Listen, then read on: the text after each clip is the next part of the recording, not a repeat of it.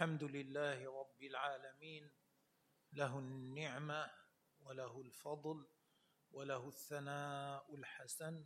صلوات ربي وسلامه على سيدنا محمد وعلى آله وصحبه الطيبين الطاهرين. الله أسأل أن يوفقني ويوفقكم لما يحبه ويرضاه وأن يجعل نياتنا خالصة لوجهه الكريم. كلامنا في هذه الدورة سيكون في في حل مختصر لألفاظ كتاب الورقات في أصول الفقه. هذا الكتاب الورقات من أخصر الكتب التي ألفت في هذا الفن في أصول الفقه. وشرحه للمحلي للشيخ جلال الدين المحلي أيضا من اخصر الشروح لهذا لهذه الرسالة للورقات. مؤلف الورقات هو عبد الملك ابن عبد الله الجويني. كان والده من فقهاء الشافعية المعروفين المشهورين. شهر بكنيته أبي محمد. كان من أكابر الفقهاء والأصوليين علماء أصول الفقه كان تقيا ورعا. حتى قيل فيه لو جاز أن يبعث الله نبيا بعد محمد لكان أبا محمد أي الجويني. ثم عندما مات رحمه الله صارت صار النور يخرج من يده يده تشع بالنور. وذلك لكثرة ما كتب بهذه اليد من الفتاوى الصائبة رحمه الله تعالى. وقد حرص على تربية أولاده تربية جيدة وأن لا يطعمهم إلا الحلال. الحلال الصرف الذي لا شبهة فيه. فبرز من بين أولاده ولد اشتهر بالعلم الواسع. هو عبد الملك ولده عبد الملك تضلع أي توسع في تعلم علوم اللغة العربية والفقه وأصول الدين وأصول الفقه واشتهر بذلك ونال بذلك شهرة واسعة. بعد وفاة والده صار هو رأس الحلقة يعني صار هو مدرس طلاب والده. ومع ذلك كان لا يجد غضاضة في أن يقصد بعض العلماء ليتعلم منه يقعد في حلقته ليتعلم منه. يعني مع أنه كان هو الذي يدرس طلاب أبيه كان يذهب في نفس الوقت فيتعلم من بعض العلماء. وكان وأمضى مدة من عمره في مكة والمدينة. ومن هنا اكتسب لقبه الذي اشتهر به إلى أيامنا وهو إمام الحرمين. وأما كنيته فهي أبو المعالي وهو بكنيته ولقبه أشهر من اسمه. وتوفي إمام الحرمين في القرن الخامس الهجري. بعد وفاته بمئات من السنين بضع مئات من السنين المحلي جلال الدين المحلي شرح كتابه. وجلال الدين المحلي شيخ معروف بسعة حفظه في مسائل الفقه. له شرح مختصر على المنهاج.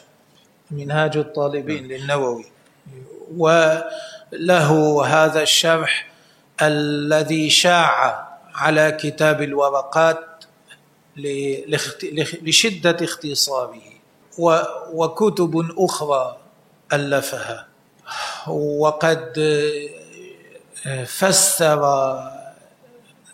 نصفا من القرآن وأكمل النصف الثاني جلال الدين السيوطي الحافظ جلال الدين السيوطي.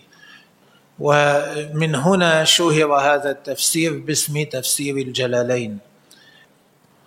وقد نال في العصر في عصرنا هذا الكتاب نال شهرة وطبع طبعات عديدة وذلك لاختصار لفظه. لأن كثيرا من الناس أكثر الناس في هذه الأيام ضعفت هممهم. ما عاد عندهم همة على تعلم التفاسير التي فيها شيء من الطول فصاروا يلجؤون إلى التفاسير المختصرة. لذلك اشتهر هذا التفسير. وإلا فهو ليس من التفاسير التي يعني يحرص العلماء على قراءتها ومطالعتها. لا لا هم هم. لا لا يحرصون على قراءتها طيب. ومطالعتها. ما فيه بيان للنكت ولا للفوائد ولا تنبيهات ولا مختصر جدا. وفوق ذلك فيه أغلاط. أغلاط آه، ليست هينة. في فيه موضع يذكر أن النبي عليه الصلاة والسلام تكلم الشيطان على لسانه فذكر كلاما فيه مدح للأصنام وهذا ضلال كبير والعياذ بالله تعالى. وهذا ضلال عظيم لأن هذا يطرح الثقة يذهب الثقة بما يقوله نبي الله عليه الصلاة والسلام. لو كان يجوز أن يتكلم الشيطان على لسان النبي عليه الصلاة والسلام لشكك كل من يريد في كلامه وقال ما يدرينا لعل هذا الكلام من كلام الشيطان على لسانه. فترتفع الثقة بالشرع تذهب الثقة بالشرع.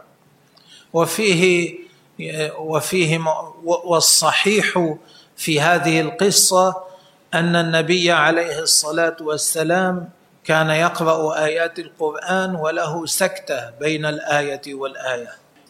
في خلال بعض هذه السكتات الشيطان تكلم من نفسه ليس على لسان نبي الله عليه الصلاة والسلام بكلام فيه مدح للأصنام. ففرح المشركون الذين كانوا يسمعون ذلك.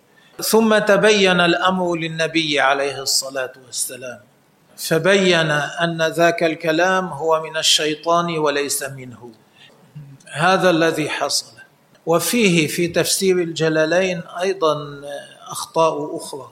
وقد آه، راجعه بعض بعض الشيوخ وطبعوه خاليا من هذه الأغلاط. يعني اشاروا إليها في طبعتهم وجعلوا الصحيح مكانها. بينوا أن أصل عملهم هو تفسير الجلالين وأنهم غيروا بعض المواضع فيه. فلا ينبغي أن يقرأ هذا الكتاب من غير بيان مواضع الفساد التي فيه. لا ينبغي أن يقرئه المشايخ للطلاب من غير التنبه إلى مواضع الفساد التي فيه. وغيره من التفاسير أحسن منه. نشرع إن شاء الله. ولعل ولعل ما في هذا ولعل ما في هذا التفسير آه، مما دس على الجلال المحلي وليس من كلامه. طيب بقي الإشارة إلى أن الجلال المحلي كانت وفاته في القرن التاسع الهجري. نشرع الآن إن شاء الله في الكلام على هذا الشرح. إن شاء الله تعالى يقرأ الشرح ثم أنا أشرح وأخونا أنور بارك الله فيه يترجم. أمضي بارك الله فيك. اشرع. بسم الله الرحمن الرحيم. يعني ابتدائي بسم الله أبدأ الكتاب بسم الله الرحمن الرحيم. ولفظ الجلالة الله علم على الذات المقدس الذي يستحق نهاية التذلل وغاية التعظيم. والرحمن والرحيم صفتان مشتقتان من الرحمة. الرحمن والرحيم أصلا صفتان مشتقتان من الرحمة ثم استعملتا اسمين لله تعالى. والرحمن لا يستعمل إلا في حق الله لا يجوز أن يطلق على غير الله. ومعناه الذي هو كثير الرحمة للمؤمنين والكافرين. للمؤمنين في الدنيا والآخرة وللكافرين في الدنيا فقط. والرحيم معناه الكثير الرحمة للمؤمنين. ويجوز أن يستعمل في حق غير الله يستعمل في حق الله على ما يليق به وفي حق غيره على ما يليق به. امضي وصلى الله على سيدنا محمد وآله وصحبه وسلم كثيرا. وكما يظهر لكم ليس في الكتاب حمد لله تبارك وتعالى. ولعل ذلك لأن المصنف رحمه الله حمد الله بلسانه. والصلاة على النبي آه، والصلاة والسلام على النبي عليه الصلاة والسلام آه، دعاء لله تعالى. معناها يا رب شرف محمدا زده شرفا وتعظيما. وسلمه مما يخاف على أمتي. طيب امضي. هذه ورقات قليلة تشتمل على معرفة هذه ورقات قليلة. هو كلمة ورقات جمع ورقة وهذا الجمع يقال له في اللغة العربية جمع مؤنث سالم وهو يدل بتركيبه في الأصل على القلة بتركيبه عندما يجمع تجمع الكلمة جمع مؤنث جمعا سالما في الأصل هذا يدل على القلة. آه، لغة هكذا. وهذا الذي قصده إمام الحرمين. ان أن يضع مختصرا صغيرا للمبتدئين في للمبتدئين في دراسة أصول الفقه. فهمت. تشتمل على معرفة فصول من أصول الفقه ينتفع بها المبتدئ وغيره المبتدئ لأنه يتعلمها ينتفع وغير المبتدئ لأنه يتذكر بها غيرها يتذكر بهذه الأحكام أحكاما أوسع. وذلك أي لفظ أصول الفقه.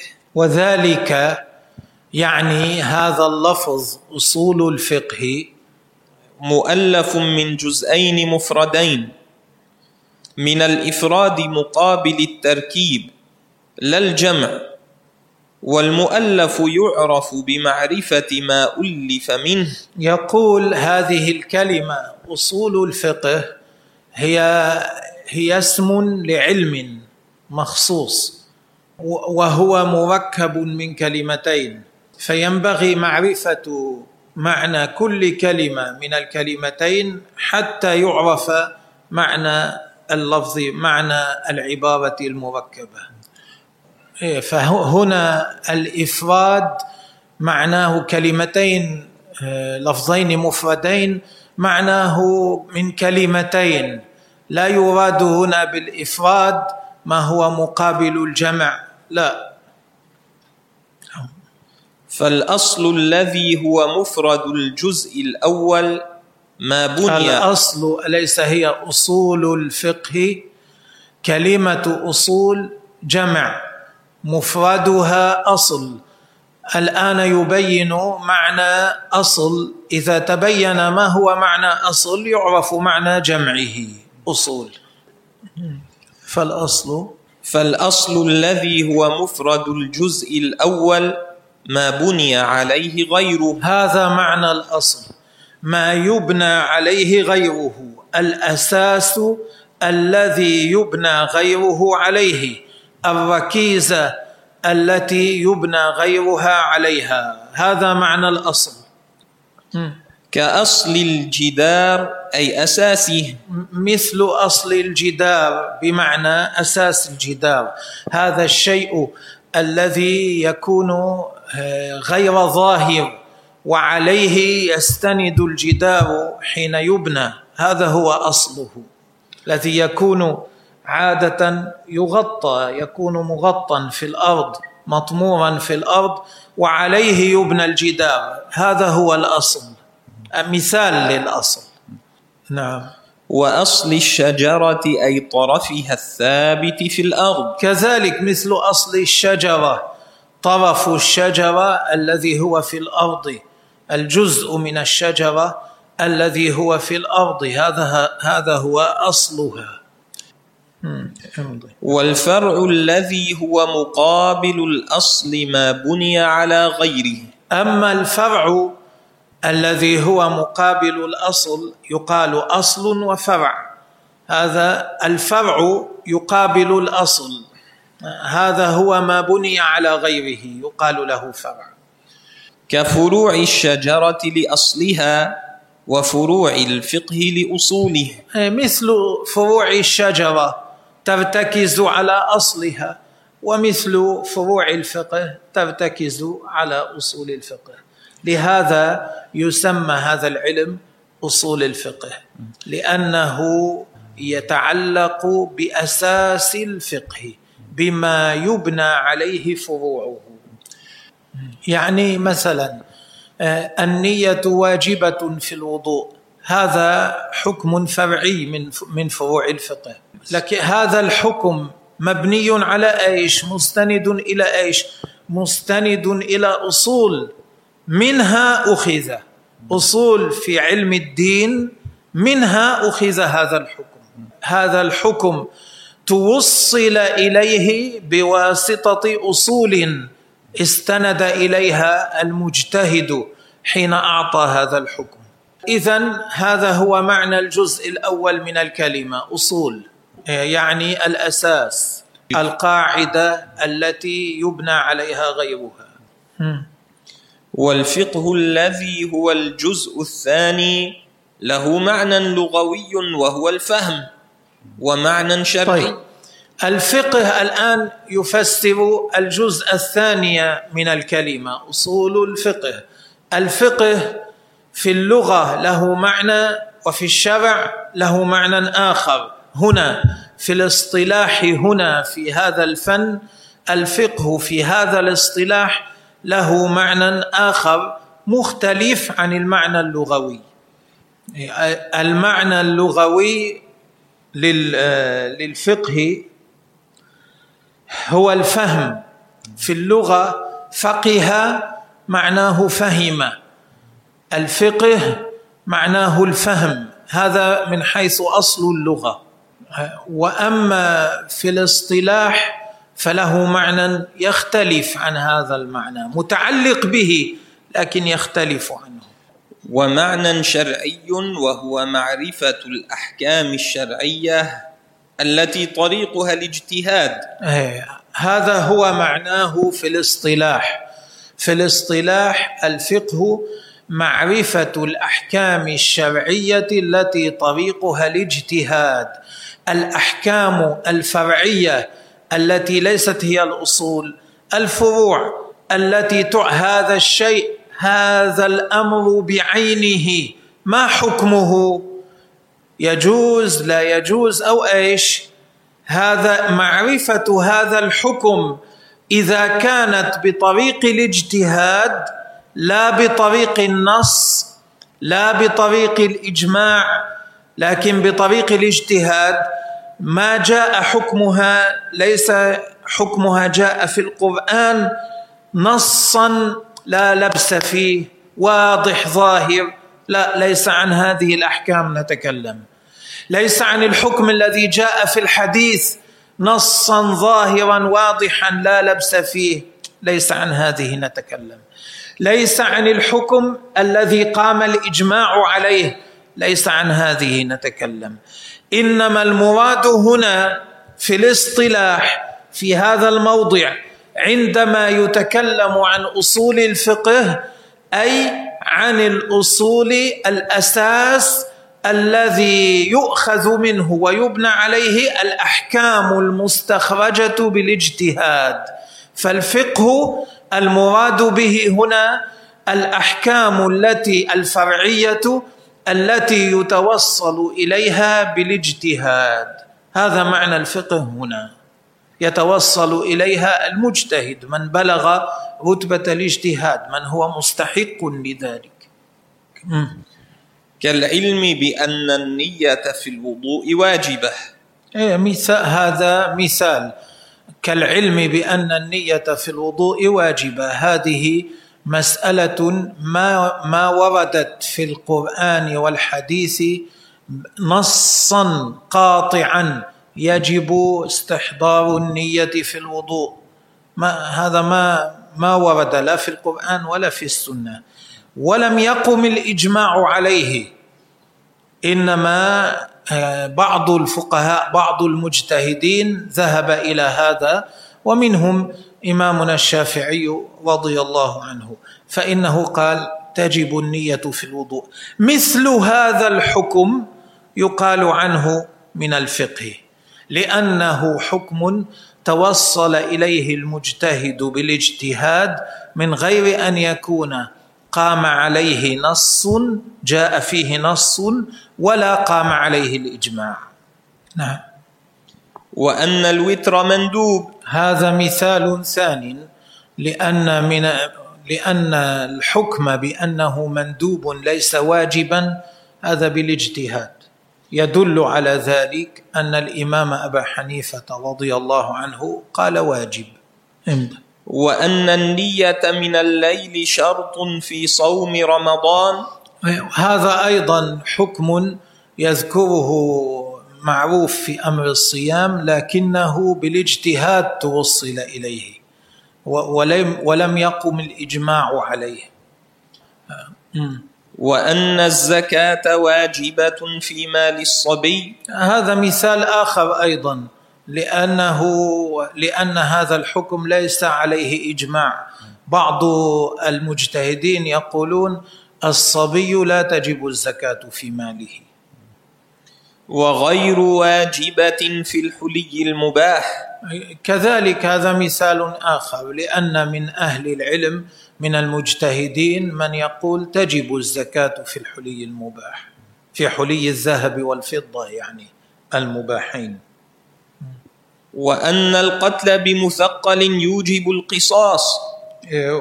كذلك هذا مثال آخر لأن من المجتهدين من يقول القتل ما يقتل بثقله دون حده وليس له حد لا يقتل بحده لا يجب القصاص آه، به لا يجب أن يقتل القاتل به. كل هذه المسائل تعد من الفقه هنا في فيها بهذا الاصطلاح. لأنه توصل إليها بالاجتهاد. ما فهمت؟ يوجب القصاص صحيح.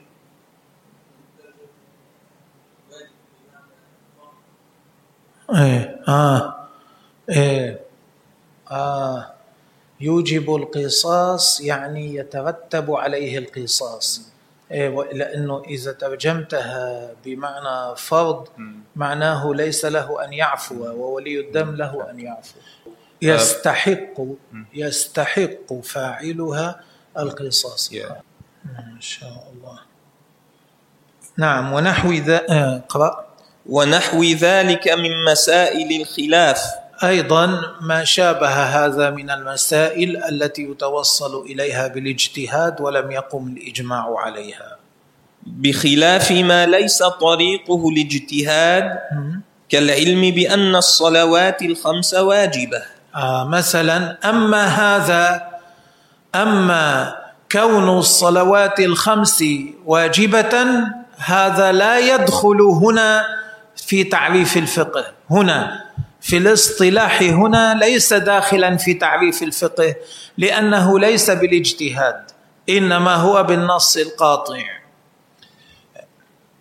وأن الزنا محرم. كذلك هذا من الأحكام المعروفة بالقطع في الشرع ليس طريقه الاجتهاد فلا يدخل هنا تحت تعريف الفقه. ونحو ذلك من المسائل القطعية فلا يسمى فقها. إيه، المسائل القطعية الأحكام المعروفة بالقطع إما بنص قرآني أو نص حديثي أو قيام الإجماع عليها النص القاطع القرآني أو الحديثي أو آه، قيام الإجماع عليها النص الذي لا يقبل آه، تاويلا. هذا لا يدخل هنا في تعريف الفقه الذي نريده.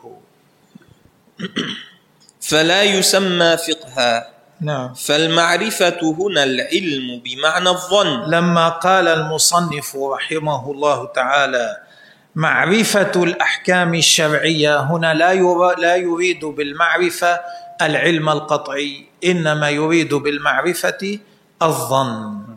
غلبة يريد غلبة الظن. هذا الذي يريده هنا.